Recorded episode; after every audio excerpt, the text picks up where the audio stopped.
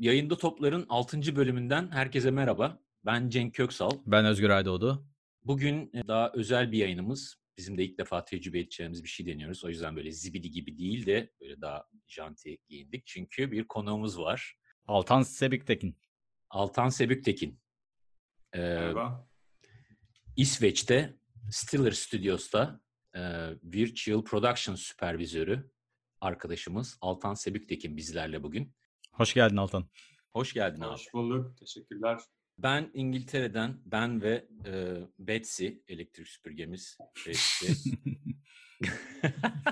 e, Özgür Aydoğdu, New York, Amerika'dan. E, Altan da e, İsveç'ten e, katılıyor bugünkü yayınımıza.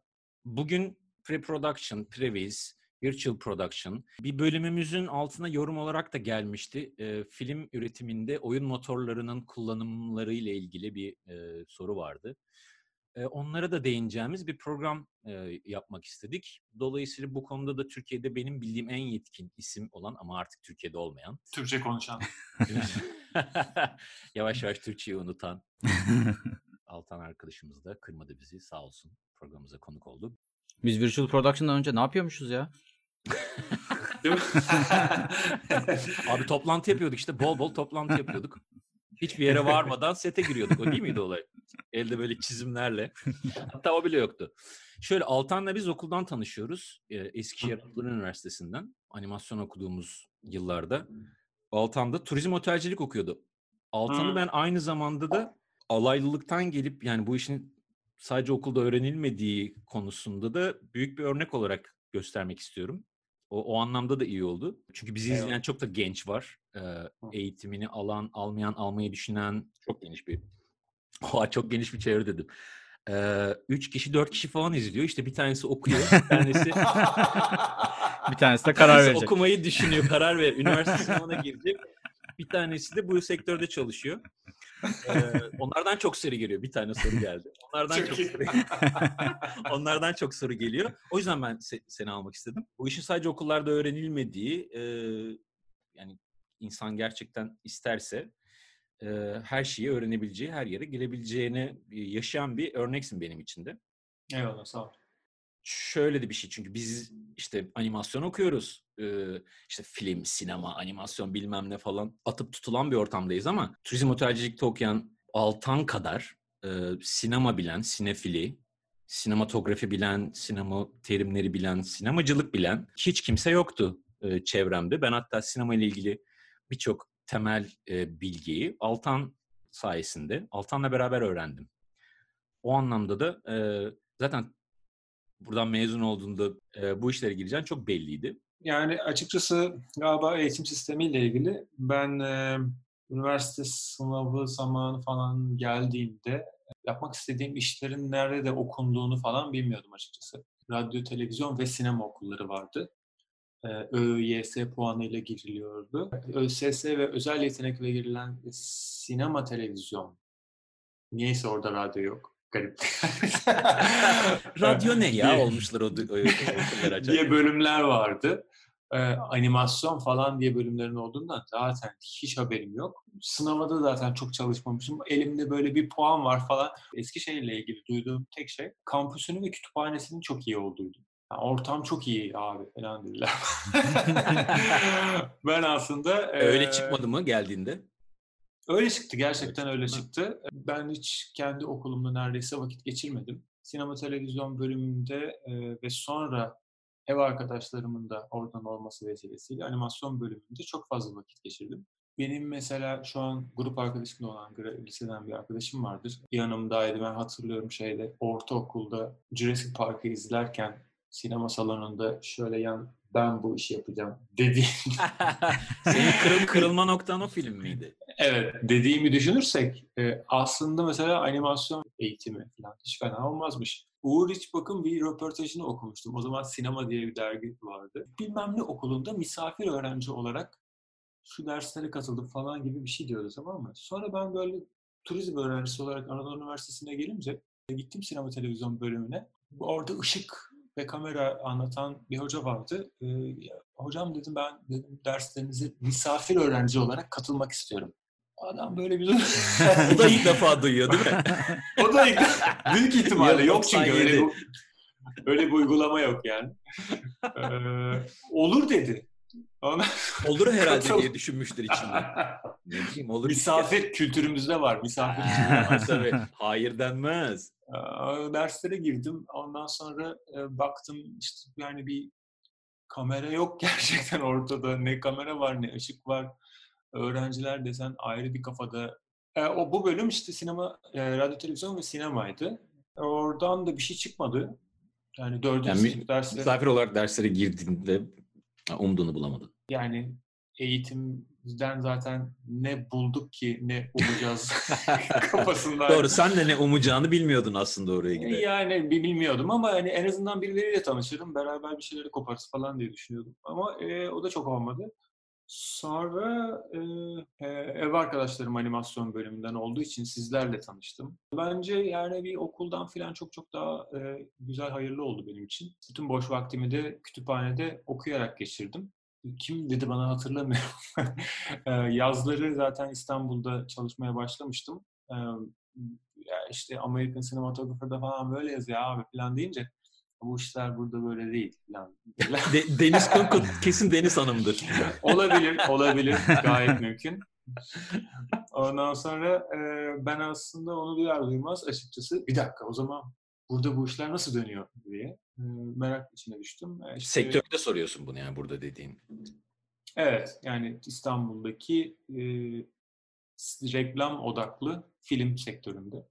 Evet, s- s- sektörde bir taraftan yırtınarak girdin değil mi? Yani hani e, Sadece olay, merak... olayı, olayı yerinde öğrenme. e, Ha, evet, kamera asistanlığı yaptım, reji asistanlığı yaptım filan. Ya bu hikaye bana çok tanıdık geliyor yani. Sektördeki alaylı insanların hepsi 3 aşağı 5 yukarı aynı yollardan geçiyor.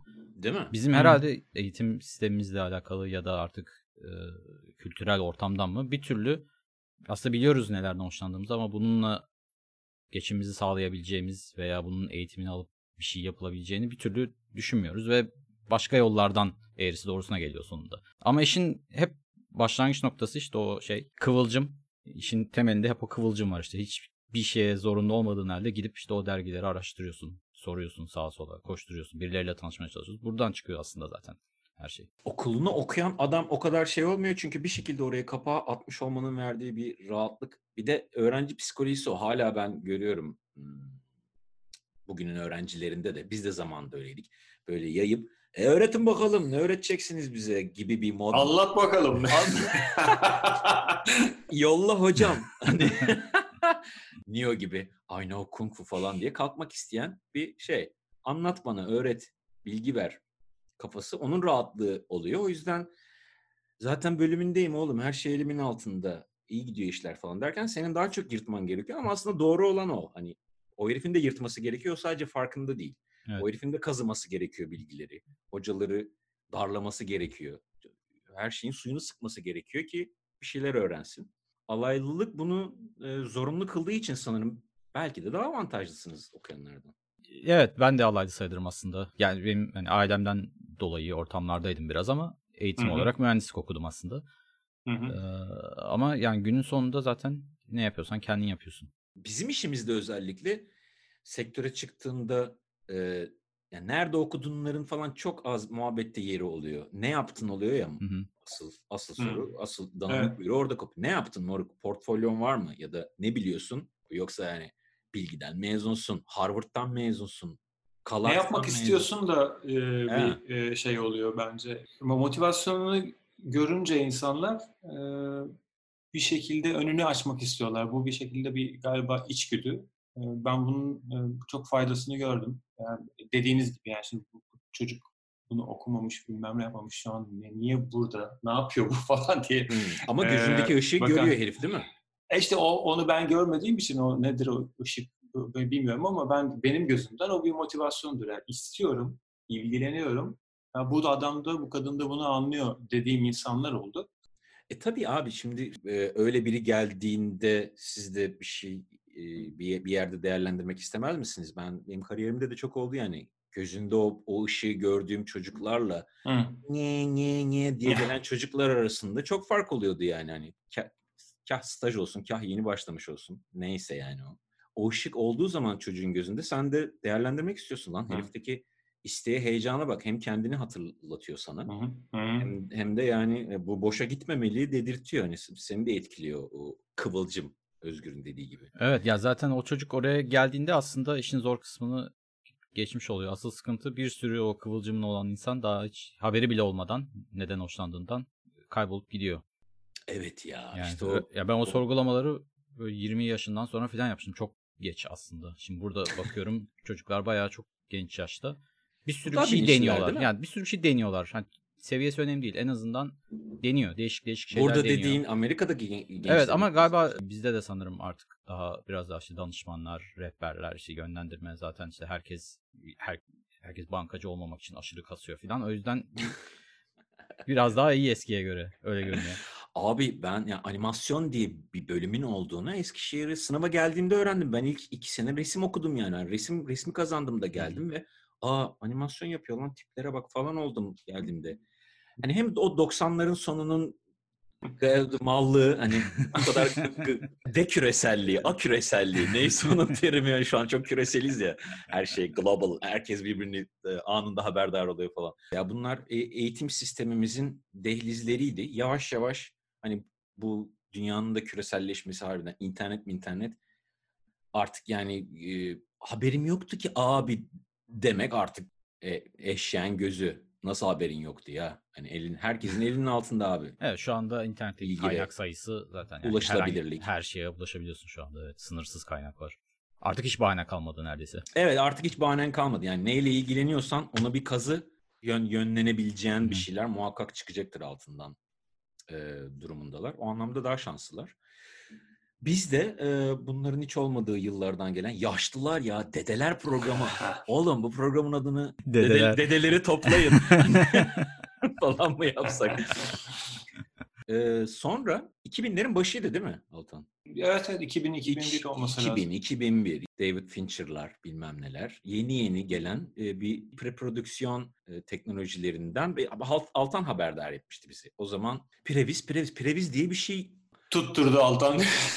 diye bir şey tutturdu Altan. Gelip gelip anlatıyor. Abi şöyle yapıyorlar, böyle yapıyorlar. Çekim öncesi bilmem ne. Ya biz filmleri gidip izleyip beğeniyoruz ama nasıl yapıldığı ile ilgili Altan gelip darlıyor bizi. Hani abi bak şöyle yapıyorlar. O sahneyi böyle çekmişler. Biz de bakıyoruz. Vay oğlum adam çekimden önce bir çığlığını yapıyor. 3D de yeni yeni gelişiyor. 3D gelişiyor. Onu işte filme nasıl adapte ederiz falan öncüler bilmem neler. Pre-production aşamasında filmi e, e, görselleştirmeler, vi- visualization. ne uğraştık o kelimeyle ya.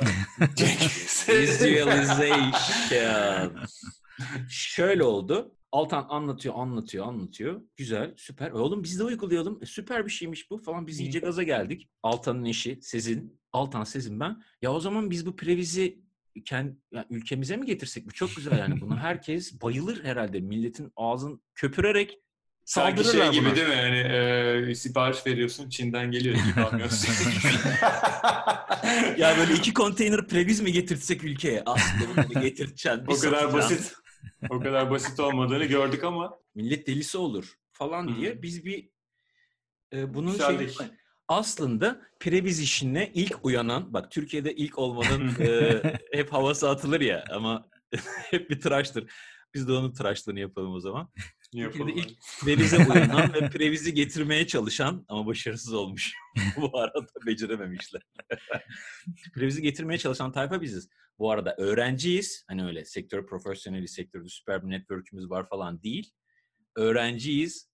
E, zibidiyiz. Kimseyi tanımıyoruz neredeyse. Birkaç bağlantımız varsa vardır. Yoksa yoktur yani. Biz previz işini yay, yayalım diye bir e, projeye kalkıştık. Bir reklam fikri attık ortaya. Onu çekilecekmiş, de previzi yapılacakmış gibi bir previzini yaptık. Previz olayını anlatan, e, sonra bunun nasıl uygulanacağını anlatan, sonra nasıl fiyatlandırıcı, eğer işi bize verirseniz nasıl fiyatlandıracağımızı anlatan bir dokümantasyon hazırladık. Ve bunu koltuğumuzun altına alıp Eskişehir'den trene atlayıp İstanbul'a gittik. Treni atlayıp çok iyi oldu. Trene. Bazılarına yetişemeyip Fatih Ekspresi. yolculuğu gibi. Ne diye çevirdik Altan? Ön görselleştirme bunun açılışı dedik. Kısaltmak lazım dedik. Ne yapmak lazım? O zaman öngörüm diyelim. Öngörüm. ne kadar zekice ya. Previs öngörüm. Şey dediler mi? Bunlar gri görünmeyecek değil mi bittiğinde? Falan dediler mi? ya neler neler Özgür. Ya biz bu umutlarla bir takım e, reklam ajanslarına birkaç İstanbul'a gel git oldu. Birkaç toplantı falan. E, anlamadılar ya da biz anlatamadık. Yani sektör hiç hazır değilmiş. Yani şöyle de bir, bir yanlışın içindeydik aslında. Biz okulda bir de işleri işlerin yapılışını kitabına göre öğreniyoruz ya. Her şeyin kitabına uygun nasıl yapılacağını öğreten bir sistemden çıkıyorsun. Sanıyorsun ki piyasada da, sektörde de işler senin öğrendiğin gibi uygulanıyordur hiç alakası olmadığını ya çalıştığında ya işte böyle acı gerçeklerle duvara tosladığında anlıyorsun ki previzi geç storyboard dahi kullanılmıyormuş oğlum şeyde sektörde. Bir tane yönetmen böyle anlatıyoruz previz şudur böyle kullanabilirsiniz. Çok da ucuz fiyat çekiyoruz yani yayılsın diye. Tam bir şey sömürün abi bizi. Yeter ki previz yayılsın. Manyak mısınız? Yani işte cahiliz. Bir tane yönetmen şey dedi. Ben dedi storyboard bile kullanmıyorum. Açılar burada dedi. Ha onu iyi bir şey olarak düşünüyor değil mi? Tabii, Kullanmamayı yani. Açıların hepsi burada dedi. Böyle ayağa kalkıp. Yapmak lazımdı ama biz hı, he, hı falan diye uzadık toplantılardan. Türkiye Previzi anlamadı be Özgür. Anla, anlatamadık. Ya bir şey bayağı aslında sizin heykeliniz falan dikilmedi ya. Yani başarısız olmuşsunuz ama sizden sonrakilerin önünü açmışsınız sanki. Hiçbir şey de açamadık. aynı tas aynı hamam. Çık yine son anda sete gelen yönetmenler. E, bugün ne çekiyoruz? Açılar burada falan. O zaman anlatmaya çalıştığımız şey bütün departmanlar arasında sanat departmanı, kamera departmanı, reji, prodüksiyon arasındaki iletişimi çok kolaylaştıran bir şey. Storyboard'da göremediğiniz birçok şeyi, zamanlamayı, perspektifi, işte kamera bilgisini, VFX ve sanatla ilgili birçok detayı gösterebildiğiniz, önceden planlayabildiğiniz bir şey diye kapı kapı gezdik. Çok tamam, gaza o... geldik yani bu fikir. Abi çok iyi değil mi? Bunların hepsini önceden sanal olarak çok daha ucuza çözüp sete girmeden hallediyorsun falan diye gaza evet. geldik ama hiç zaten ama... öyle, yani ne pratikler öyleymiş ne ne anladılar. Evet.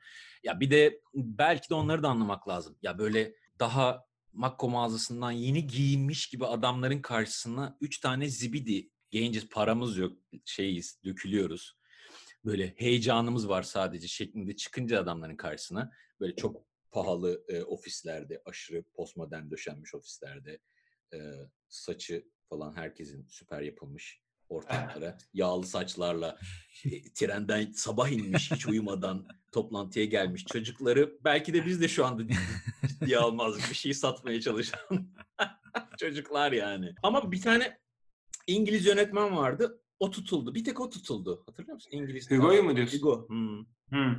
Ya anladığını düşündüğüm insanlar vardı ya da şirketler, ekipler vardı ama e, onlar bile içinde içinde bulundukları e, sistemi buna nasıl uyarlayacaklarını, bu sistemin içerisine bunu nasıl sokacaklarını bilemediler. O yüzden hep birbirlerine postaladılar. Evet. Yani prodüksiyon şirketleri ajanslara gidin diyordu. Ajanslar evet. prodüksiyon şirketlerine gidin diyordu. Aslında bana bu sadece şunu gösterdi.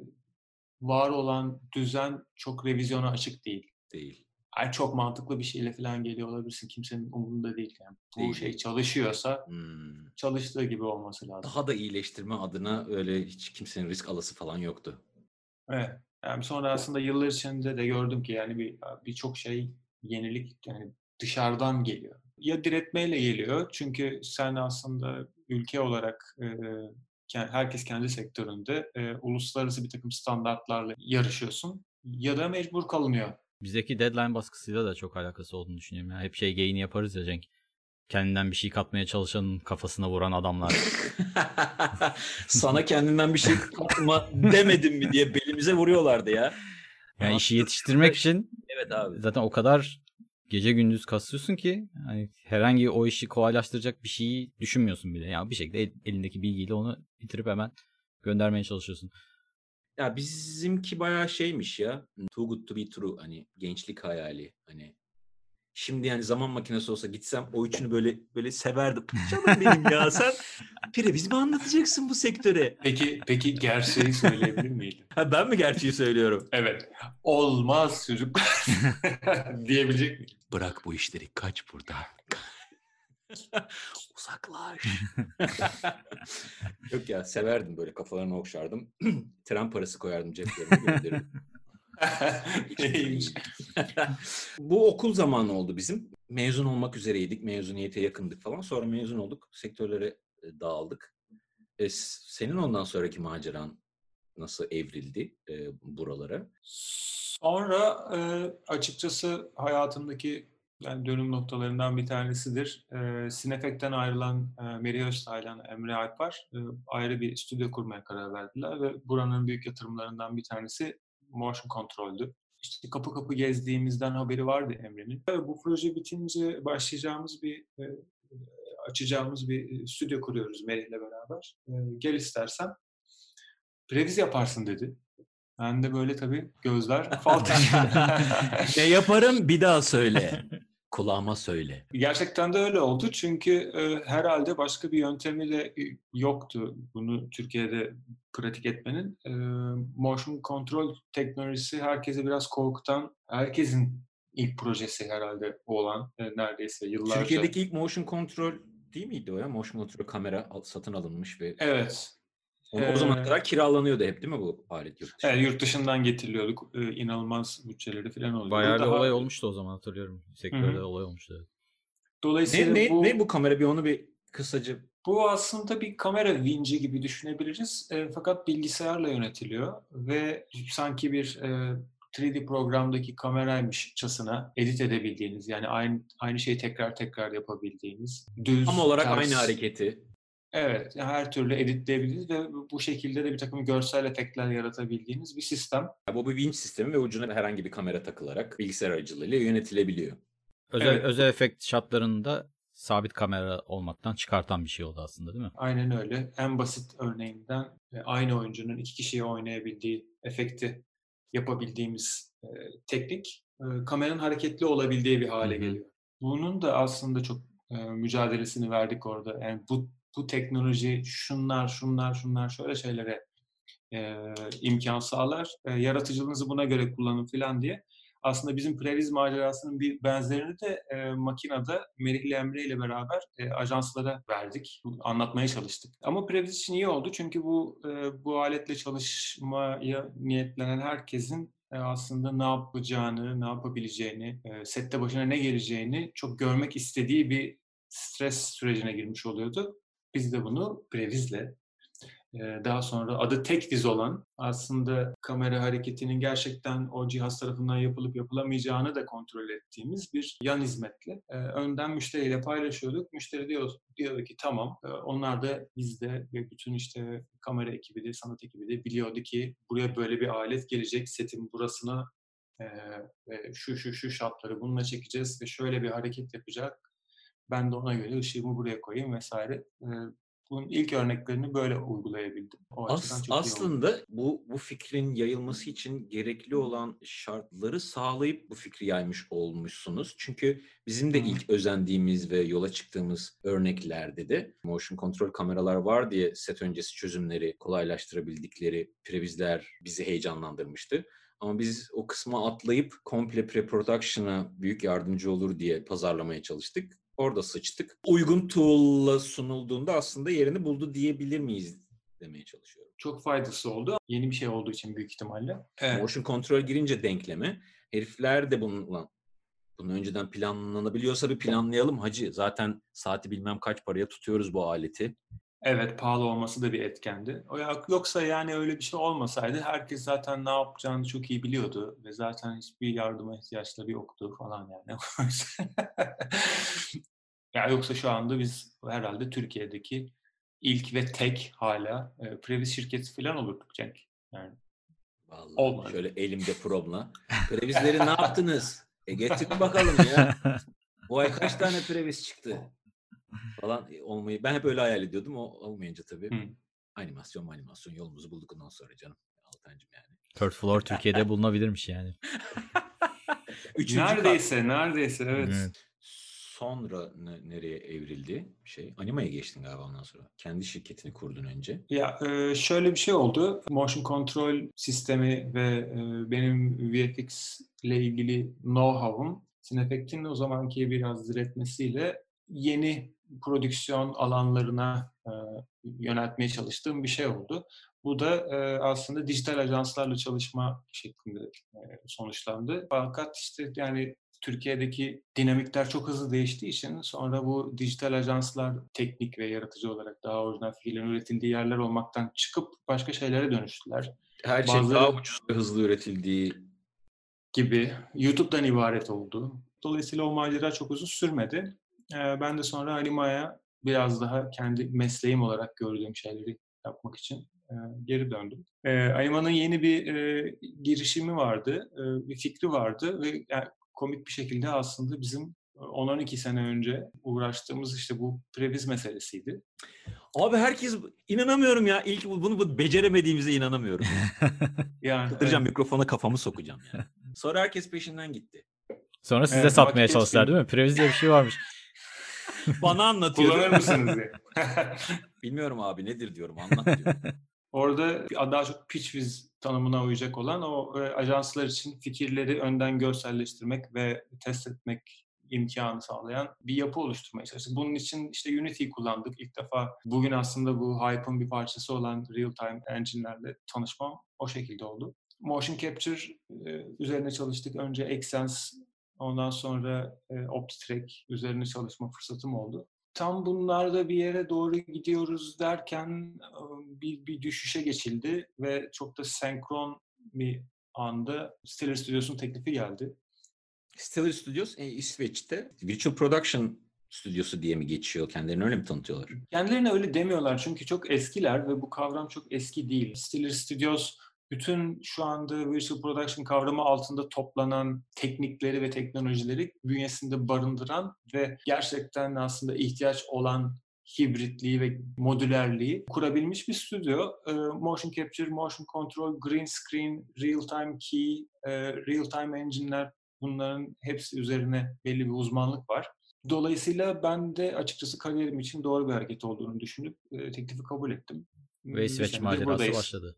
Evet. Bu, bu abi seni almak için bayağı uğraştı ama ya benim hatırladığım. Bayağı uğraştı derken de yani ben naz yaptığım için değil, e, güzel bir e, açıkçası detaylı bir işe alma süreçleri var. Yani ben hani Türkiye'de bazen doğru yerde olduğumda bile benim orada olmama karar veren insanların buna çok da bilinçli olarak karar vermediğini falan gördüğüm bir şeyden sonra açıkçası etkilendim. Bir faktördür kesin kabul etmemde işi diye düşünüyorum. Ee, Çünkü ta- tam olarak ne istediğini biliyordu, senin ne yapabildiğini biliyordu gibi bir, bir süreç oldu.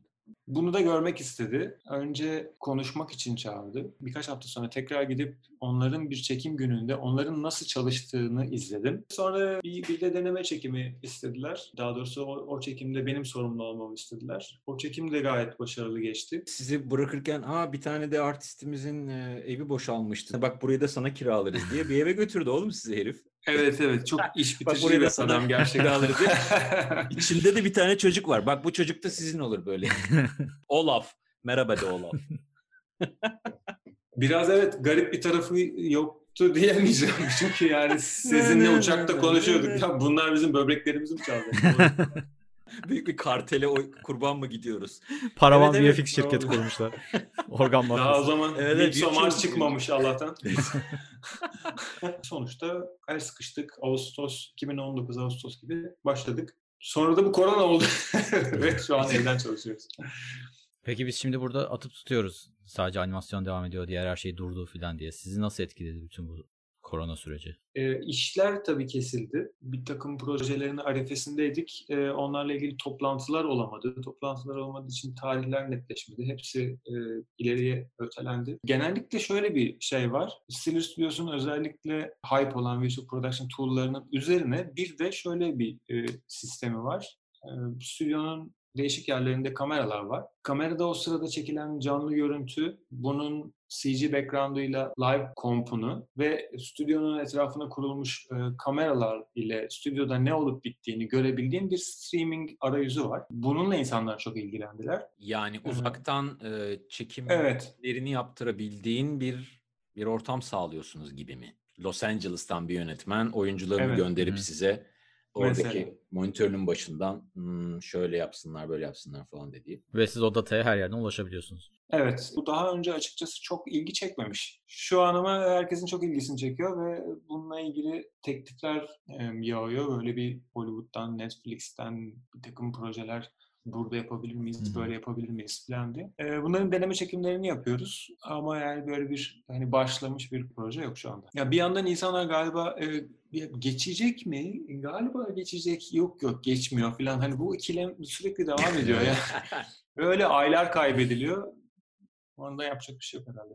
Nasıl kategorize etmeli? Yani benim sana aslında sormak istediğim pre-production ve production biraz birbirine girdi gibi oldu bu Virtual Studio mevzularıyla. Post production için de aynı şey geçerli. Geçerli Yani post yani bütün o sınırlar aslında e, kalkıyor. Çünkü bu bahsettiğimiz previs, postvis, pitchviz, techviz tool'ları bu sınırları anlamsız yaptı. Yani ben önce bir shot'ı hazırlıyorsam, ondan sonra çekiyorsam, çekerken aslında finalde nasıl olduğunu göreceksem, bütün bu fazların e, birbirine e, seslenmek ve birbiri üzerinde değişiklik yapma e, kapıları açıldı. Biz herkes biliyormuş gibi biraz kafa göz girdik hikayesine ama previz nedir abi? Previze artık galiba bunların genel ismi demek lazım. Bir Ha, e, e, evet e, içinde pitchviz fikir satmak için yaptığınız görselleştirme, techviz e, teknikli bir şeyi teknik olarak nasıl gerçekleştireceğinizi çözmeye çalıştığınız görselleştirme, postviz postta nasıl olacağını daha erken bir aşamada görselleştirmek diyebildiğimiz bu tekniklerin toplamına e, previz diyoruz aslında. Önden görebileceğimiz bir e, teknik. Öngörüm ya. Tam tam Öngörüm ya. Öngörüm.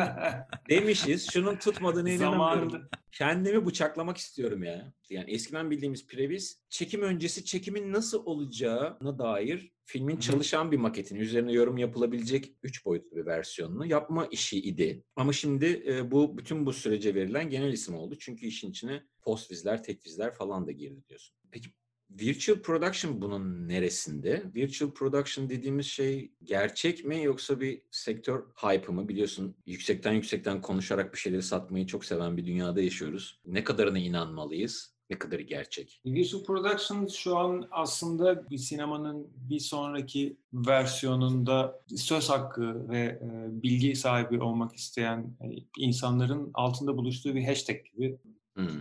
Ve bunlar bir takım teknolojilerin üzerinden konuşuluyor. Bu işte şu ana kadar bahsettiğimiz yani motion capture, motion control, real time keyleme, e, işte oyun motorları bunların hepsi burada kendine yer bulabildiği gibi bunun ötesi de var. LiDAR scanning, VR. Bu, bu hashtag'in kaldıramayacağı bir teknoloji yok. Her şeyi buna dahil edip Her şey e, bunun altına daha koyarsın. ilginç hale getirebilirsin. Ama açıkçası e, yani bildiğimiz anlamda production sanal bir versiyonu olduğunu söylemek bence yanlış. O yüzden terim olarak çok doğru bir terim olduğunu düşünmüyorum. E, ve daha aklı başında insanların da bu e, real time filmmaking kavramını kullandığını görüyorum. Çünkü teknolojiler yeni olmasa bile daha yeni birbirine entegre olmuş olan şey bu real time teknolojiler. Animasyon prodüksiyonu gibi bir tezgahı e, Lion King örneğinde olduğu gibi 75 yaşında bir adamın da kullanabildiği bir şeye dönüştü. Gözlük takarak şeyin Gözlük içine, takarak e, iPad gibi ekranlar üzerinden kamera hareketi ortamın yaparak- içine girmeler, orada karar vermeler. Demin demin diyorduk ya işin adımları fazları çok birbirinden keskin çizgilerle ayrıydı. Yeşilde çekiyor. Oyuncu tam olarak bilmiyor nerede ne olacak. Yönetmen yani herkesin kafasında bir şey var ama tam olarak kimse sürece hakim değil. İş orada bitiyor. Ondan sonra posta geçiyoruz. Orada bilgisayarın karşısında bir şeyler yapılıyor falan. Ama şimdi tekrar aslında Altan biraz önce dediği gibi 50 sene önceki film yapma tekniğine dönüyoruz aslında bu yüksek teknolojiyi kullanarak. Yönetmen hemen hemen her şeye sette karar veriyor. Çok daha iyi San- görüyoruz. Sanırım amaç olduğunu. o değil mi? Yani her şeyi Herkesin başka dertlerine çözüm oluyor. Mesela bu bu böyle bir örnek. Buradaki çözüm ben istediğim görüntü yönetmeniyle çalışmak istiyorum.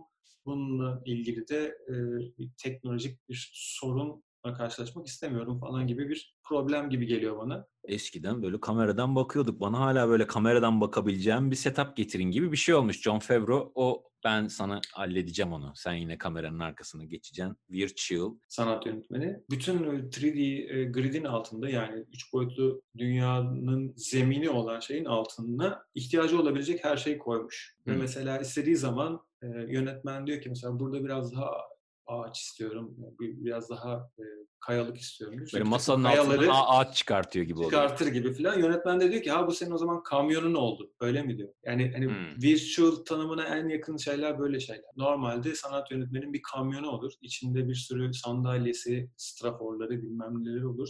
Ve o an işte verilen kararlara göre sette bunlar çıkartılır ve yerleştirilir. Fakat bu şu anda üç boyutlu dünyada zeminin altında saklanmış bir takım objelerden oluşuyor. Burada da oyun motorları devreye giriyor anladığım kadarıyla. Çünkü aslında bu teknoloji eskiden beri olan bir şey. Kubrick'imizin 2001 Space Odyssey'sinde de arkada LED ekranlar vardı. Ama şimdi artık matte painting yapmak zorunda değiliz. Oyun motorları sayesinde oraya istediğimiz kadar dağlar, ağaçlar koyup dediğin gibi yönetmenin o anda verdiği kararlara göre background'u şekillendirebiliyoruz real time olarak. Evet, LED ekranlar konusu işte mesela başka bir boyutu Visual Production kavramının. E, Mandalorian gibi bir e, örnek var. Mandalorian'da galiba biraz yani başrol oyuncusunun tamamen parlak kask giyen bir karakter olmasından da sebep green screen teknolojisinin gerçekten çözüm olmadığı bir challenge ile karşı karşıyalar. Dolayısıyla aslında daha önceki Star Wars filmlerinde benzer e, tekniklerin kullanıldığı şey yani mükemmel haline getiriliyor ve kamera tracking teknolojisiyle de birleştirilerek sadece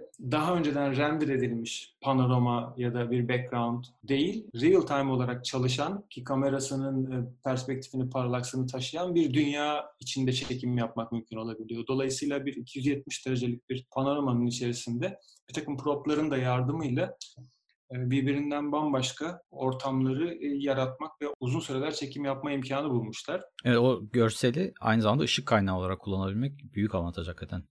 Ve de Evet. yansımaların hepsini direkt yakalayabiliyorsun. O da çok büyük bir şey. Yani o zırhın bütün Arkaya büyük bir yansımaları. ekran evet. gelmiş gibiler değil mi? Yani bizim time 3D'de olarak. Bizim 3D'de HDR olarak yaptığımız şeyi aslında sette gerçekten yapmak gibi bir şey. Peki post prodüksiyonda da arkada çektikleri background'u mu kullanıyorlar yoksa onu silip tekrar daha cillobunu daha kontrollüsünü koyuyorlar mı? Image Engine'in evet bir breakdown'u çıktı, VFX breakdown'u çıktı.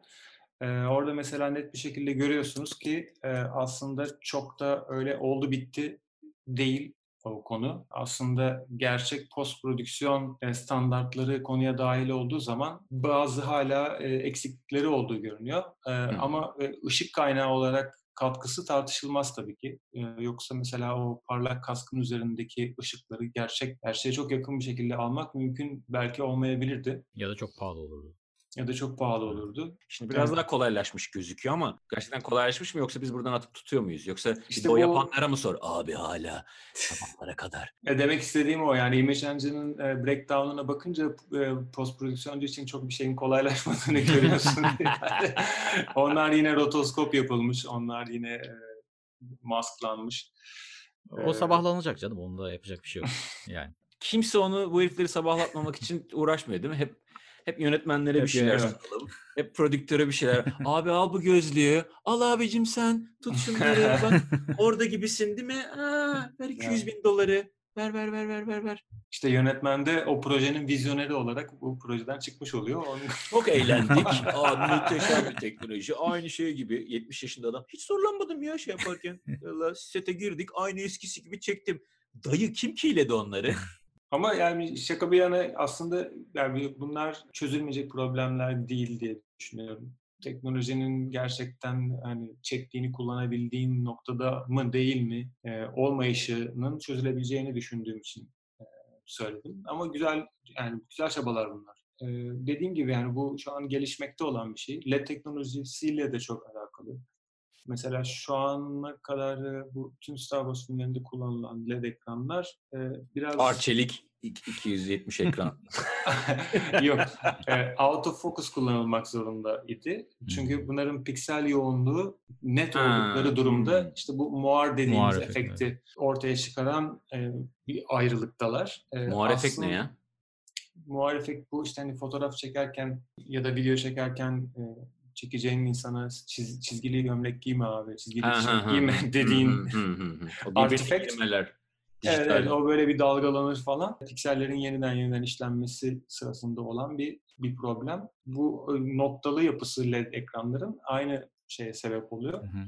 Ee, ama çok yakında bu değişecek gibi görünüyor. Artık yani bunların fokus içerisinde de olabileceği bir noktaya geliyoruz. Daha doğrusu bunun in budget olabileceği bir noktaya doğru gidiyoruz. Hı, ucuzladığı bir Hı yere hı. doğru gelirsek ancak yaygınlaşıyor. Evet.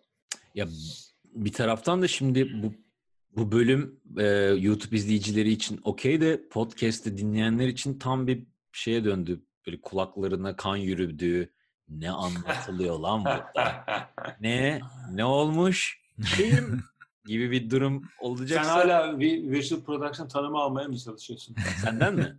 Ben Evet, ondan evet. geçtim ya. Ben tamam artık Virtual Production'ın bir tanımı yokmuş.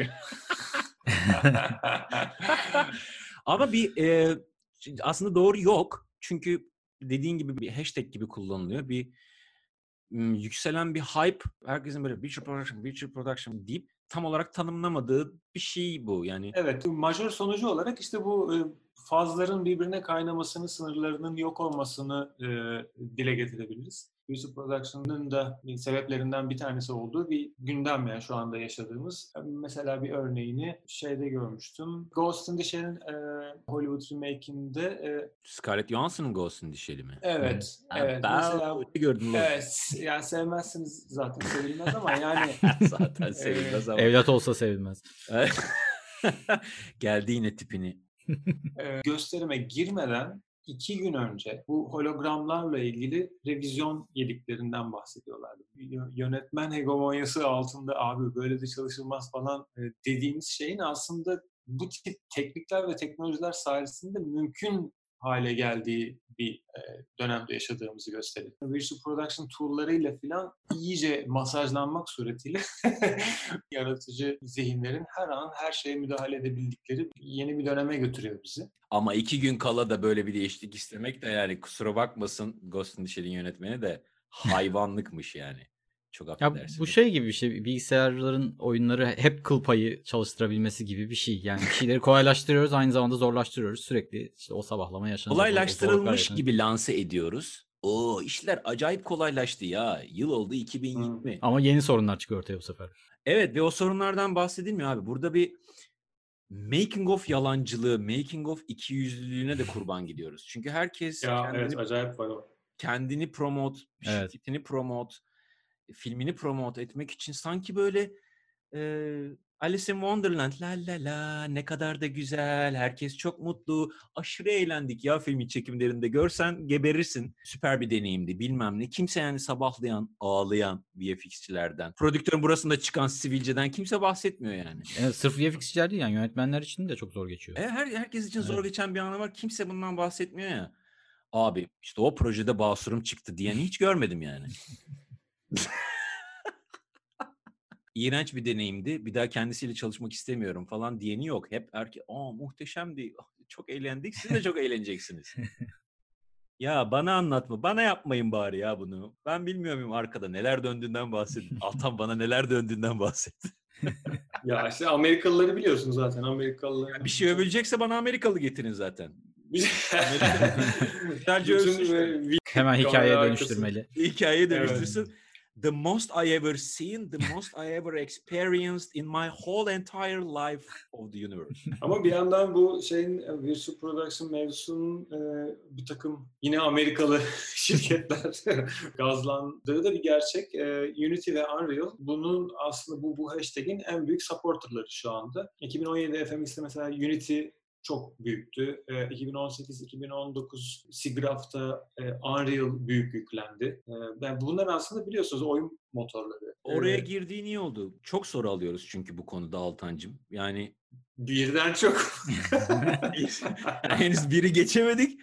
Ama bir tane daha gelmesini ben yani geldi gelecek hep maillerimi refresh ediyorum. Şimdi bunlar oyun motoru dediğin gibi. Oyun yapsın e, developerlar, gamerlar da oynasın diye üretilen şeyler ne hale geldi? Ne oldu? fotogrametri tool'larının oyun motorları içerisinde kullanılabiliyor olması üzerine e, aslında gerçek hayattaki ışıkların çok daha doğru simülasyonlarının yapılabiliyor olması, yakın zamanda ray tracing'in de dahil olması yani hani gerçekçi yansımalar ve parlamaların da bu teknolojilerin içinde olması artık e, ne var canım hani gerçek dünyadan bir fark kalmadı. Biz bunun içinde film de çekeriz gazı getirdi. Alıştığımız eski e, üretim yönteminde sen animasyonu yaparken e, nasıl görüneceğine dair hiçbir fikrin e, olmayıp onu bir ışıkçıya devrediyorken, e, o da onu bir kompçuya devrediyorken, böyle bir ellerine de tezgah varken şu anda aslında sen aslında animasyonunu yaparken de nasıl görüneceğini bildiğin bir çevrede çalışabilme lüksü elde etmiş oluyorsun. Yani animasyon değilse proje, performans capture olduğunda motion capture kıyafeti giymiş oyuncu bunu görebiliyor olma hmm. lüksüne sahip olmuş oluyor. Kameraman elinde iPad ile kamera hareketinin efektine kadar takım şeyleri gerçek zamanlı kontrol etme imkanına sahip oluyor ve üretim sürecini hızlandırıyor. Ama burada e, sanal bir şey yok yani. Bunların hepsi hala gerçek kameraman, gerçek oyuncu,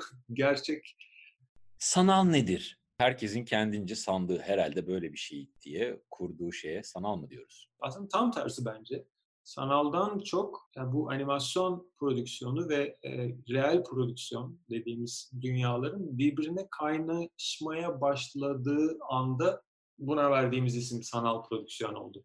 Hmm. O sanal olan bir şey yok yani. yani. Bunların ikisi de zaten aldır uldur yürüyen kendi işlerinde çok detaylı e, pipeline'ları, workflow'ları olan e, ya hem marketing hem kategorizasyon çabası anladığım kadarıyla insanlığın. İşte bu marketing çabası biraz Unity ve Unreal'ın biraz gazladığı kavramlar son iki yıldır Unreal mesela çekilin kardeşim Virtual Production benden sordu falan. Evet falan. bir öyle bir şeye geçti değil mi? Unity'nin bir süredir esamesi okunmuyor. E, yani sağda Kesin solda dönüş yapıyorlar. Duy, duymuyorum ama evet arttan hazır sen görürsün sen. Tabii tabii. Sen Unreal seni bitirmezsem şu tool'u da bir bitireyim de bir saniye klikete klikete diye yazan developerlar.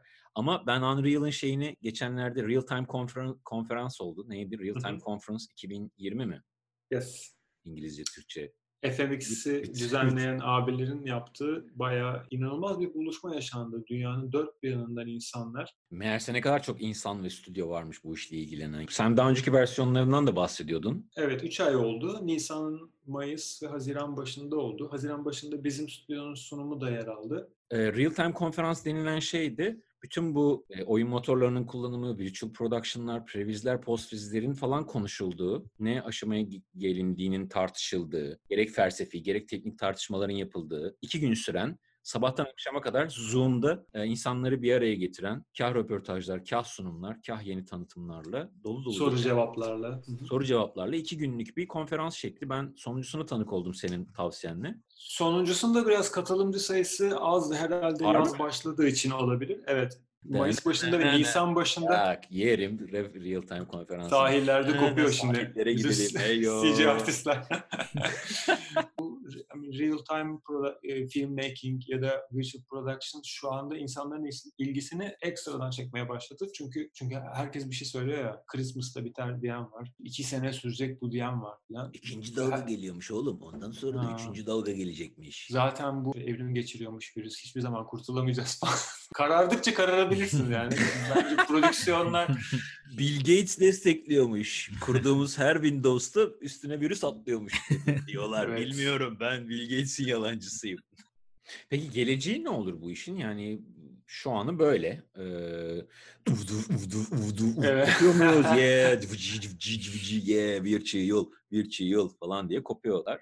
Ya bu Göz, iyice 5G'ye falan da entegre olduktan sonra kimse tutamaz zaten bence bizi. evinden çıkmak istemeyenin evinden çıkması için hiçbir sebep olmadığı bir dünyaya doğru gidiyoruz gibi. O yüzden obezitenin alıp yürüyeceği aslında buradan yoga YouTube kanalına koşmamız gerekiyor. Asıl Abone paranın orada yoga videolarımı görmek istiyorsanız şuradan düğmeye tıklayarak diye saçma bir noktaya mı gidiyorum? Ee, yani e, bu şeyin sonucu diye bir net bir şey yok. Bence açıkçası bir dönüm noktasındayız ama bu sadece Visual Production hashtag ile özetlenebilecek bir şey değil. Mesela USD geliyor. Bütün stüdyolar tek tek Nedir e, USD? adapte oluyorlar. USD Pixar'ın geliştirdiği bir dosya formatı diyeceğim. Yetersiz olacak. e, FBX kullanıyorduk biz daha önce e, programlar arasında dosya paylaşmak için. Bu onun yerini alacak e, bir sistem olarak geliştirilmiş. Aynı sahne içerisinde birisi odanın rekorunu yapmaya devam ederken, birisi odanın bir yerini boyarken başka bir sanatçı da ışığını yapabiliyor, başka bir sanatçı da animasyonunu yapabiliyor olduğu bir e, ortamdan bahsediyoruz. Fakat bunun görsel kalitesi e, gerçekten animasyonu, gerçekten ışığı, gerçekten tekstürü gördüğüm bir dünya. O yüzden previz, pre olmaktan çıkıp e, visual production'la birlikte real time visualization oldu. Biz de Blue Sky'da USD'ye geçtik bu arada bir senedir filan. Öyle mi? Sahnedeki bütün elementleri modüler olarak tanımlayabildiğin işte oyuncusundan, kamerasından, ışık sistemine kadar bir, bir arayüz ve departmanların hepsi bunun üzerinden birbiriyle haberleşiyor. Pixar'ın geliştirdiği bir şey ama şimdi artık e, endüstri standardı olma yolunda gidiyor. Hakikaten bütün animasyon workflow'unu çok derinden etkileyecek hatta başlı başına bölüm yapmamız gereken bir konu. Yani ortada duran böyle açık bir sahne ve herkes onun içinde çalışıyor gibi bir şeyden mi bahsediyoruz? İstersen öyle de kullanabiliyorsun. Ee, ama e, istersen mesela renderer'ı başka istediğin renderer'a bağlayıp hemen sahneyi açıp oradan render alabiliyorsun. Yani tek bir sahne değil. Havada duruyor her şey. Sen oradan istersen referans gibi hemen bir oyuncuyu değiştirip yerine başka bir animasyon sokabiliyorsun. Işığı değiştirebiliyorsun, kamerayı değiştirebiliyorsun. Aynı anda birden fazla kişi içinde çalışabiliyor. Formatın açıklığı ve bütün ya mesela en basitinden biz rigde bir değişiklik yaptığımız zaman bizden başlayarak animasyon, ondan sonra lighting bütün departmanları etkiliyordu ve hepsinin işte dosyayı tekrar açıp bir şeyler yapması gerekiyordu ya. Ha, referans Şimdi- değiştirmesi evet, gerekiyordu. Abi evet. versiyon 18'i al falan. Evet şimdi artık o ortadan kalkıyor. Bizim yaptığımız rig hiçbir şey etkilemiyor. Mesela hemen e, bir otomatik bir şey trigger ediyor ve shot hemen render oluyor tekrar filan gibi. Hmm. Ondan sonrası ucu açık istediğin her şeyi tanımlayabiliyorsun üzerine. E, Bununla ilgili ayrı bir bölüm yapmanız güzel olur hakikaten. Yine bir giriş düzeyinde bir link paylaşalım Hı hı. isterseniz ama derin bir konu. Vay Altan da linkçi çıktı. Biz aşağı link koyma konusunda Özgür hep doldurur da aşağıları. Abi şunu da koyarız, bunu da koyarız falan. İzledim abi bölümleri. Aşağıda link paylaşılıyormuş dedim kendi kendime. Ben de demek ki o zaman aşağıda link paylaşabilirim. Evet, bizim Aşağıda olayımız link. Güzel. Sen anlatma anlatma aşağı linkini koy. Öyle değil oğlum bunu anlatmak için yap, yapıyoruz bu bölümleri. Çok sıkıcı olur oğlum şimdi USD'ye girsek. Of. USD Saat 50, falan 101. Şimdi şey düşünüyorum.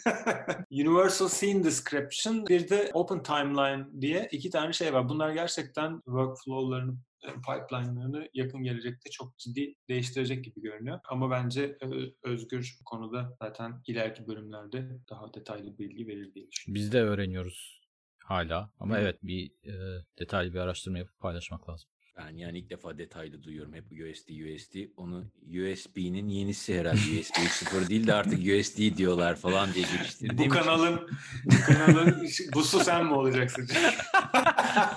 Özgür anlatır bir dahaki bölüm. Ben böyle dinlerim artık. Uyu- uyumuş falan. Abi US, USD. Çok güzel ya. Universal neydi? yani şeyden emin olamıyorum bir türlü. Şimdi o kadar geniş bir konuya girdik ki başından beri. Bu konuyu ele aldığımız yıl gereği de bütün kavramların birbirine karıştığı bir ortamdayız. Bundan 10 sene önce yapıyor olsaydık programı previzine, postvizine, tekvizine insan gibi sırayla anlatırdık. O programı yapmamışken şimdi bu programı Ya- yapıyor olduğumuz için her şey yığıldı. Ya sen onu yapmazsan 10 sene önce dedim ben bu Özgür'e. Başka- Çok iyi. Abi internetler yetmez bilmem ne ne. oldu? Şimdi her şey birbirine girdi. Şimdi Hiçbir her şey şey anlatamıyoruz. birbirine girdi. Hiçbir şey anlatamıyoruz. Bir adam dese ki abi yani Bu adamlar ne diyor ya? ne diyorsunuz aa K dese kapatsa bizi aşağı yorum yazsa ne diyorsunuz abi ben hiçbir şey anlamadım dese Tamamen haklı. Hakkıdır. Ben şöyle toparlayayım. Belki bunu başa da koyarız. Previz eski bir konu. Şeyin film prodüksiyonunun bir şekilde maketleştirilmesi. Bu işin öncesini nasıl görürüz? Daha da 3D teknolojisinden de öncesi var aslında. Bu işi gerçekten maketlerle diyoruz ya bir Yüzüklerin Efendisi bölümü mü yapsak? Hala ona cesaret edemiyorum Özgür. Yani böyle artık iyice yuh dedeler. Ya bir gidin. Yüzüklerin Efendisi mi kaldı oğlum diye şey yapmamak için. O üç kişiden linç yememek için. Her şey o üç kişi ya. Bence çok güzel olur. Stüdyoda genç çocuklar var. Yani takdir ediyorlar. Çocukken izlemişler falan böyle. Hala, Hala çalışıyor çünkü oğlum. Evet, Çalışıyor. yani. Bir de çok fazla gerçekten. devrimsel şey var ya. Bir saygı duruşu niteliğinde bir üstünden Hak ediyor geçebiliriz diyorsunuz hakikaten. yani. Evet. Bu cesaretlendirir beni ya. Çünkü aşırı istiyorum. Yüzüklerin Efendisi Bence benim- yapın çok güzel olur. Yüzüklerin Efendisi ya. Çünkü Peter Jackson'ın o şeyini hatırlıyorum. Bunlar daha yokken herifler küçük küçük ölçekli maketleriyle ve daha küçük kameralarla GoPro'nun o Hmm. zamanki versiyonlarıyla o shotların, sekansların maketini yapmayı bilmişler. Aslında Hı hı. pre, previz yani adamın yaptığı anladın mı? O grandiyöz sahnenin çok daha küçük, çok daha ucuz bir versiyonunu yapmak değil mi amaç? Aslında previz dediğimiz şey bu. Ben bu kadar parayı ve emeği dökmeden önce abi neler gelecek başıma biraz görebilir miyim lütfen? Görmek ve göstermek istiyorum. Görmek ve Evet. göstermek istiyorum herkese Evet. lütfen. Evet. Hı hı. İsteğinin sonucu olarak maketinden tut da ya legoları bile koyup çekebilirsinden geldi bu iş. Es, e, George Lucas da yaptı bunu George Star Lucas, Wars. Evet. Küçük Evet, küçük elinde oyuncaklar, kameralarla. Figürlerle falan. Yapılan versiyonları da previs. 3D çıktıktan sonra bunların hepsini 3D ortamda görselleştirelim. O da previs. Biz oralarında girdik işin. Ben İsta- Türkiye'de de yapıyorduk yani bu e, kendi projelerimiz için en azından. Reklam filmi olsun. İşe girişmeden önce. Müşteri istediği için değil, kendimiz için yani. O filmin bir versiyonunun basit Evet. görülmesi gerektiği için bu bir ihtiyaçtı. Biraz daha gelişti işler. En son artık ben buraya gelmeden önce Arif 216 yaparken en konu sahnelerin revizine zaman ve mesai ayrıldığı ve onun üzerinde müşteriyle, prodüktörle, yönetmenle, Cem Yılmaz'la uzlaşıldığı versiyonlara kadar gelmişti iş. Ki çok da hızlı ilerleyen bir projeydi bildiğim kadarıyla o değil mi? Çok- Üf. Ona rağmen iyi bu- bunun yapılması güzel bir şey aslında. Abi çünkü bir yerde mecbursun artık o eski şey kalmadı. Açılar burada. O abi var ya bilmiyorum ne yapıyor o, o insan. Umarım sektörde değildir ya. Karşılaşmak istemiyorum çünkü kendisiyle. Yani. Açılar burada ne oğlum ya? Tamamen yanlış anlamış olayı. Ya nasıl bir proje yaptığına göre değişir şimdi. Hani Woody Allen'a desen ki mesela Tabii ki canım. Açı, açılar burada ki mesela kendisi aslında sektördeki en iyi görüntü yönetmeniyle çalışmaya dikkat ediyor. Ama Woody Allen'ın yönetmen Diyalog, oyuncu, yönetmenliği ya falan. filan mesela yani o da o yüzden hani öyle şeyler diyebilir ama mesela senin benim gibi insanların sette olduğu bir ortamda bu konuşuluyorsa zaten Ama yani bugün şimdi Martin Scorsese'nin bile küçük böyle story yani kendi Hmm. çöp adamlar çizdiği. ya evet. Ridley, Ridley Scott'ın bile kendince ya adam yani yapabildiği ölçüde bu da böyle mi gözükse falan diye ihtiyaçtan bir şeyler karalaması varken sen açılar burada ne abi? Abi yıllarca şey olmadı mı ya? Setlere gittik, geldik. Sırf şey için orada figüran olarak durmadık mı? VFX ekibimizden birisi geldi. Bakın işte o bizi yönlendirecek. Kahve falan. içiyor değil mi? Kenarda sürekli çay içen. Sırf o cümle kurulsun diye orada saatlerce durmadık mı? Böyle kuru pastalara bakıyorsun sen sürekli. Ajansın yemediği kuru pastalar hala duruyor mu lan? Bir tane alsam bir şey derler mi? Hop. Löb, löb, löb. P- Previz'in nereden nereye geldiğini anlatmak için girdim bu kadar mevzuya. Bizdeki Hmm. karşılığının çok bir önemi yok. Previz öngörselleştirmeydi gerçekten. Öngörüm. Öngörüm. Bilinçaltına yollayabilir miyiz bunu? Bu saatten sonra satış. yok yok yok artık çok geç. Çok mu geç? 20 geç. sene kadar geciktik mi? 20 sene kadar geciktik. Peki şeye ne diyorsun? Stüdyolar Previz'i finalde gözükecek filmin bir garantisi olarak kullandıkları ve yönetmene baskı yaptıkları için bazı yönetmenler Previz'den nefret ediyormuş mesela. Ee, kreatif bir özgürlük istiyor. Ne yapacağını söylenmiş gibi hissediyor kendini. Ne yapacağını söylenmiş gibi hissediyor. Çünkü stüdyo ne yapacağını söylüyor herife. Bak Previz'de böyleydi oğlum bu sahne niye öyle çektin deme hakkını buluyor kendinde. Virtual production ve bu yeni bütün konuştuğumuz teknolojiler de bu veya benzer bir şeyler getirir mi acaba? Hani hiç hesapta olmayan. Ama işte bu yani bir değişim dönemleri. Bunlar e, bu konuda da şey yapmak böyle... e, Spekülasyon yapıyoruz ya. Salla bir şeyler. Hayır yani sallamak abi o kadar zor ki. Çünkü şöyle bir şey var. Uydur ya nedir? bir gidişat görüyorsun, bir fikrin olduğunu düşünüyorsun ama fakat bir yandan da teknolojinin ilerleyişi kendi içinde e, logaritmik hızlandığı için ya benim fikrimin ne önemi var abi falan diyorsun bir noktadan sonra. Bir de çok yanlış bir şey de söyleyebilirsin. Ya ben ilk VR çıktığında şeye çok gerildim. 1890'larda falan uçak bence tutmaz bir teknoloji. Ne yapacağız ki bunu diyen öyle tarihe geçen herifler var ya işte. Bilgisayar, o buzdolabı gibi bu aletlerin e, kalıcı olacağını düşünmüyorum deyip şu an rezil olan o iPhone tarihe- tutmaz. evet, evet, evet. Öyle olmaktan çok korktuğum için bu VR tutmaz abi bu ne ya? Midem bulanıyor benim bunu takınca falan demekten hep imtina ettim. Çünkü yani gerçekten nereye gideceğini bilemezsin abi bu işleri. Ama e, mesela verdiğin örnek güzel. Bu VR gibi ondan sonra işte stereoskopik e, filmler falan gibi e, bir, acayip bir boost edildi ya mesela. E, Evet. herkese çektirildi bir tane. O dönem 3D olmayan televizyon alamıyordun. Şu an 3D televizyon bulamazsın. Şu anda mesela e, 4K televizyon, Hı hı. Ultra HD televizyon falan şeyi var. Çılgınlık ya. İpini koparmış gibi böyle sağa sola saldıran bir e, sektör söz konusu. Şu gözlüksüz 3D gelince herhalde ikinci dalga yaşanacak yine. Öyle görünüyor. Üf, eski Olabilir. televizyonları ittirin ittirin. e, haksızlık şu an anlamda etmemek lazım. Bu bu tip çabalar sektörün güdümünde oluyor. Sektörün güdümünde oluyor olması demek aslında bunu yapmak istiyoruz. E, VR'la film yapmak, stereoskopik medya tüketmek, salonlarımız böyle olsun, çözünürlüğümüz daha yüksek. Bunlar- 48 FPS'ye çıkalım mı? Çıkalım. Bunlar istenen şeyler. Ama bunların hiçbirisi birisinin Dayatması. diretmesiyle olmuyor. İtiraz ediyorum. George Lucas. Hepsini direten George Lucas değil mi? George Lucas senin nasıl tüketeceğini diretmedi. Kendisi için bir çözüm geliştirdi. Adam yani şu anda VFX dediğimiz her şeyi icat eden adam neredeyse yani. O yüzden bir şey demiyoruz. Ben gelse bugün ölümü iliklerim. Elini öperim George. O Lucas abi falan derim. Bütün Star Wars'un alameti farikası üretim teknikleri üzerinden değil de tüketim tekniğinde olsaydı bu filmin olayı 3D olması diye Hmm. olsaydı unutulan bir film olacaktı. Çünkü öyle çok film oldu. 60'larda da 3D denemişler. 80'lerde bir furyaya ben yakaladım. Hem sokağında En kabus. sokağın kabusu ya. Bunlarla izledik, ya. İzledik bunu. Kırmızı mavi izledik. gözlükle. Olmadı. Ondan sonra tekrar 2000'lerde geldi. Bir daha gelecek. Gelecek. eminim. Yani hi- hi- hikaye anlatma tekniğine ne kadar hizmet ediyor o önemli aslında. Yani şimdi sırf stereoskopi diye bir şey var diye o okun bizim gözümüze giriyormuş. Çasına bir şatı aslında hikaye hiçbir şey katmamasına rağmen eklemek işte o bizi bir anda uzaklaştırıyor işin içinden. Hem sokağında güzel kullanmadılar mı? Herifin rüyasına kafasına giriyorduk diye. Ya bırak. Sevmemiş. o bir dolaptan böyle bir şey çıkartıyorduk. Sopa çıkartıyorduk. Sopa uzatıyordu oğlum işte. Ben onun hastası Abo olmuşum. diye böyle çekiliyorduk. Vay arkadaş. Herifin kafasında gibiyim la diye izledim onu o zaman. Bir de filmin üçte ikisini falan normal izliyorsun. Tabii, Ondan sonu- sonra yazı çıkıyor. Yazı kız gözlüğü Gözlüğünü tak. Gözlüğü takıyor. Bütün sinema herhalde şu an mı? Şu an mı diyor. Evet şu an diyor. Neyse Cenk dedeliğimiz ortaya çıktı. Evet. Ana, Ama ben işte bunların şey olduğunu düşünmüyorum. Yani e, anlamsız çabalar olduğunu düşünmüyorum. Hepsi, hepsinin ben de ya şeyi anlam, var. anlamı anlamsızlığı değil de bizi mi yiyorlar? Bizi mi kekliyorlar? Yine cebimize mi böyle hep- Deniyorlar abi. Zaten- Zaten ekliyorlar. U- Uzun vadede ayıklanıyor ya her şey e- en son. Böyle Ayıklanıyor da cebinden yani. ayıklanıyor. Hep Tabii olan, evet, olan bize oluyor arada. teknoloji firması varmış gibi. O da güzelmiş ha diyen hem sinirlendiriyor hem de teknoloji gelişiyor bir taraftan da bir şey diyemiyor. Merak ediyorsun evet. Merak ediyorsun evet. Tüketici olduğumuz için işte hep bizim üzerimizde deneniyor.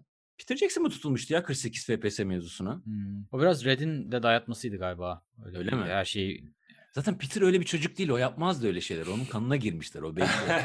Ama mesela şey de var. e, buna gerçekten e, ciddi mesai, mesai harcayan Douglas Trumbull 2001 Space Odyssey'in e, VFX süpervizörüdür. Bu adam testler yapıyor mesela. E, 120 FPS yapalım medyamızı böyle üretelim, böyle tüketelim falan. E, kendi bir sitesi vardır mesela. Test footage'ları falan vardır. Belki linkini paylaşırız. E, Hayır yenilikler. ya sadece ticari değil onu demek Hmm. istiyorum. Yani bir insanlar gerçekten next step'i görmek, next level'ı görmek, bu- bu- bunun içinde olmak falan istiyorlar. Bunun içinde ciddi çabalar var. Ama işte insan algısı biraz yavaş gelişiyor. Yani biraz galiba evrim gibi, mutasyon Hmm. gibi. Yani sağlıkla ilgili konularda konuşulur ya işte ne bileyim sen 20 bin yıldır, 50 bin yıldır işte şunu yiyerek yaşayan bir canlıydın. O yüzden şu diyeti yapmalısın falan derler. Şimdi e, az çok buna bir mantık buluyorsak e, sen şimdi bir şekilde medyayı tüketiyorsan 100 yıldır çat diye 2 senede 120 FPS'e ya da çat 3 boyutlu gözlüklere falan yani izleyicinin buna alışmasını beklemek biraz iyimser galiba. E, ama bence deneyecek, denemeye devam edecekler. Ediyorlar ediyorlar. Aslan Kral'ın sırf VR kısmını bir şirkete ta- e, şey yapmışlar. E, taşeron bir şirket var anladığım kadarıyla. VR entegrasyonunu almış işin. Onun CEO'su konuşuyor işte.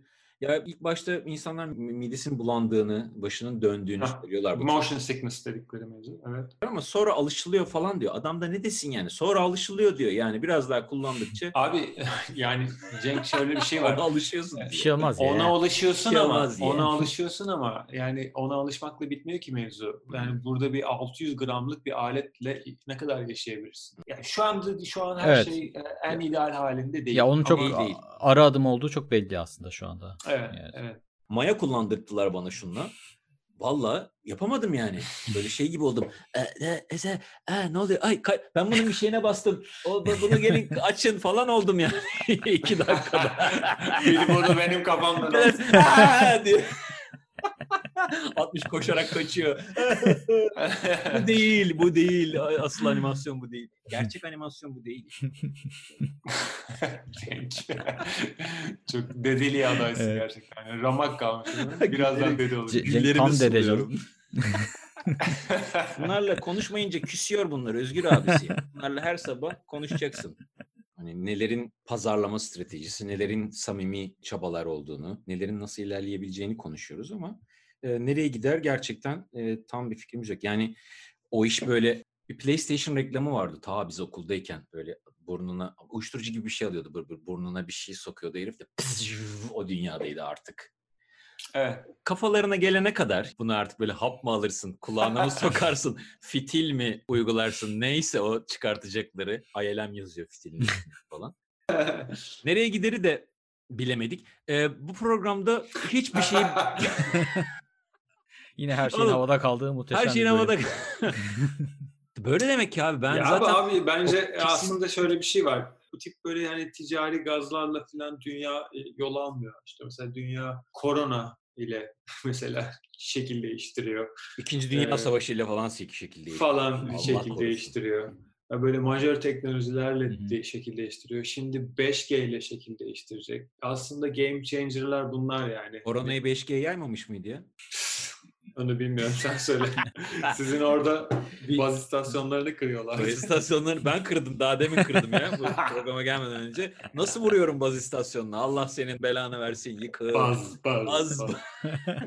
Çok spesifik tahminlerde bulun, bulunamıyoruz. Ama nereye gideceğini aşağı yukarı tan yani çok yürüyeceğini, bu bu bu yolun işleri çok kolaylaştırdığını hem tecrübe etmiş hem de öngörebilmiş oluyoruz. O yüzden gençlere ne tavsiye edersin? En sevdiğim sorudur mesela.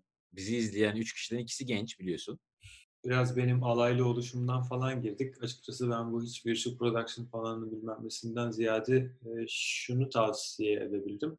Bir master planınız olsun dedim. Çünkü ben mesela sektörün içinde sağdan sola savruldum sürekli. E, merakım da beni bu konuda motive etti. Ama bir hep bir master planım vardı ve mesela bu filmmaking, sinematografinin e, özüyle ilgiliydi.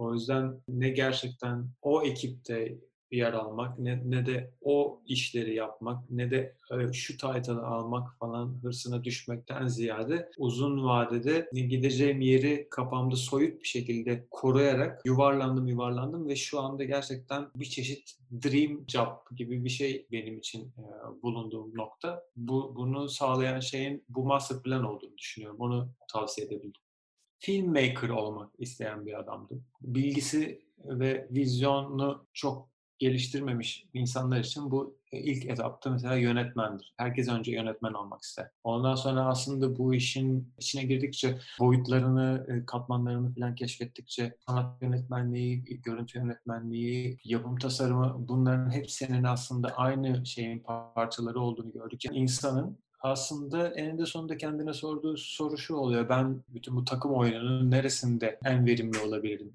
Bir an önce o, o vizyona gelip kendilerine sadık olmaları lazım diye düşünüyorum. Mesela benim için kamera çok önemli. Biz Eskişehir'de Counter Strike oynardık falan mesela. Ben ölürdüm ve o öldükten sonra o e, şeyle gezerdim ya mouse'la evet inanılmaz zevk alırdım mesela. yani Orada yönetmenlik mi yapıyordun? Oo, şunu da şöyle çekeyim falan. Tabii tabii şey yani o ghost şeyine girersin ya Ha. öldükten sonra. O- ben onu artık böyle hormonal bir tatmin sağladığını çok erken keşfettim. Dolayısıyla önüme çıkan fırsatlarda gözüm kapalı ben varım demekte çekinmediğim anlar oldu. Ee, evet ben varım diye yardırıp onun bir yerinden gidip o diğer bir diğer tarafından çıkıp bugün şu anda bulunduğum noktaya kadar gelebileceğim e, Bir oyun planın içgüdüsel yani. evet Evet yani o mas- master plan kelimesi hakikaten çok önemli bence de. Gün içinde işte çalışsın yerdeki title olsun, işte politik tartışmalar çok fazla böyle bizi asıl hedefimizden ya da olmak istediğimiz şeyden uzaklaştıran çok fazla şey oluyor. Burada bir dediğin gibi bütün bu gündelik şeylerin yanında arkada böyle çok uzun vadeli bir şey seni böyle bir şeyler unuttuğunda tekrar odaklanmana yardımcı olacak bir şey gerçekten çok önemli hakikaten. Ben de onun çok önemli olduğunu düşünüyorum. Ben senin e, ya Unreal öğrensinler çok onun geleceği var falan diyeceğini zannediyordum ama aslında çok daha güzel te- temel bir şey söyledin. Hiç hiç olayın olayın bununla alakası yok. Olay evet. tamamen senin ne yapmaktan keyif aldın ve bu işin neresinde durmak istediğini fark etmenle alakalı. Genç yaşlarda biraz daha zor olabilir bu. İşin içine de girmek zorundasın bir anlamda ki alternatiflerini göresin. Yani sen kamera önü şeylerden mi hoşlanıyorsun? Kamera arkası mı? Daha da post prodüksiyon mu? Seni Hmm. cezbeden ne bu işin içinde? Evet, kesinlikle.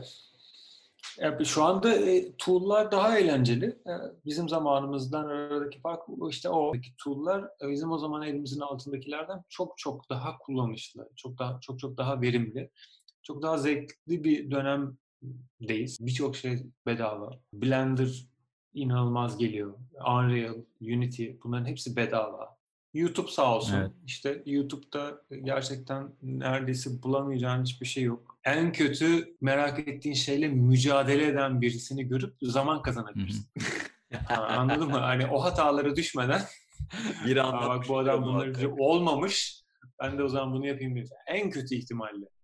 Ama hala ama- kaynakların çoğu İngilizce. O yüzden dil, dile yani biz burada o açığı kapatmaya çalışıyoruz ama biz çok az örnekten bir tanesiyiz. Yani insan gibi bir şeyleri baştan sona öğrenmenin yolu biraz en başta İngilizceyi geliştirmekle oluyor maalesef ki. Hala kaynakların çoğu. Ecnebi. Google da onu çözer herhalde yakında ya Oo, artık. Google Translate diyorsun. Ya çok ramak kaldı gibi geliyor bana yani. Hani her sene biraz daha iyi oluyor falan. Bir, bir noktada kopacağız. Tam orada değil ama ya- yakın evet. Ya istiyorsan işini çözebileceğin noktada aslına bakarsan. Evet ama tavsiye olarak %100 hak veriyorum tabii. Çünkü bilgiye ulaşmak istediğinde, bir eğitim almak istediğinde bunun e, anahtarı İngilizce gerçekten. Peki Altancım, bir daha dünyaya gelsen bu mesleği seçer miydin? Başka ne seçebileceğimle ilgili hiçbir fikrim yok. ha bir de 1920'lerde geldiğin şeyini söylemeyi unuttum. 1920'lerde geldin bu mesleği seçer miydin? 1920'lerde gelsem mesela Méliès'in stüdyosunda falan olsam değil mi? İnanılmaz. Çok daha eğlenceli olabilirdi ya o zaman sanki. olabilirdi. Olmaya da Ama bilirdi. Enteresan bir şey var. Bence e, bu e, bu bugün konuştuğumuz konular çerçevesinde biraz Méliès standartlarındayız yani. Eminim o zaman da insanlar konuşuyordu. Yani Zoetrop vardı. Hmm. E, kinograf falan vardı bilmem ne. Şimdi bu adam ne yapıyor ya orada işte bir tane seranın içine stüdyo kurmuş falan bir şeyler yapıyor. Virtual production. Diyorlardır. Bilmem sinema diyorlar abi falan diye. böyle. Sinema mı? O ne? Bir şey Abi yapacağız, süper olacak. Birileri hor görüyordur falan. Ama yani bir şeye dönüşüyordu o zaman da. Şu anda bir şeyler bir Doğru. şeylere dönüşüyor. Bir, bence bir o manada bir paralellik var. Méliès, dünya tatlısı bir insan olması lazım. Bu nasıl bir görseldir? Ayın gözüne füze girmiş falan. Kimin aklına gelir? Evet ya bir de yetiştirme derdi var mıydı acaba o zaman? Hiç yoktur eminim. Önümüzde 100 yıl var. ne yapıyoruz oğlum biz? Ne bileyim ben devam et ya işte güzel bileyim ya. Altan aynı zamanda e, bütün bu VFX e, dünyasındaki personasının yanı sıra aynı zamanda benim de çok severek dinlediğim, bulunduğum ortamlarda psikodelik müzik sevenlere ısrarla tavsiye ettiğim Ayiko grubunun basçısı. Harika. Biraz müzikal yolculuğundan da böyle çok kısaca bahsetmek istersen.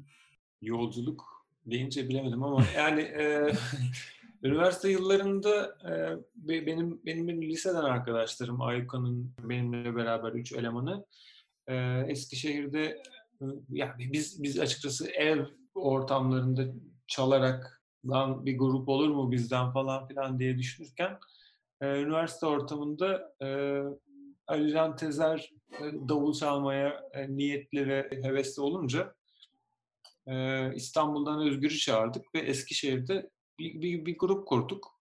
Ve o, gün bugündür işte kaç oldu? Dört tane albüm oldu. Ee, grup faaliyetine devam, Devam ediyor. ediyorsunuz.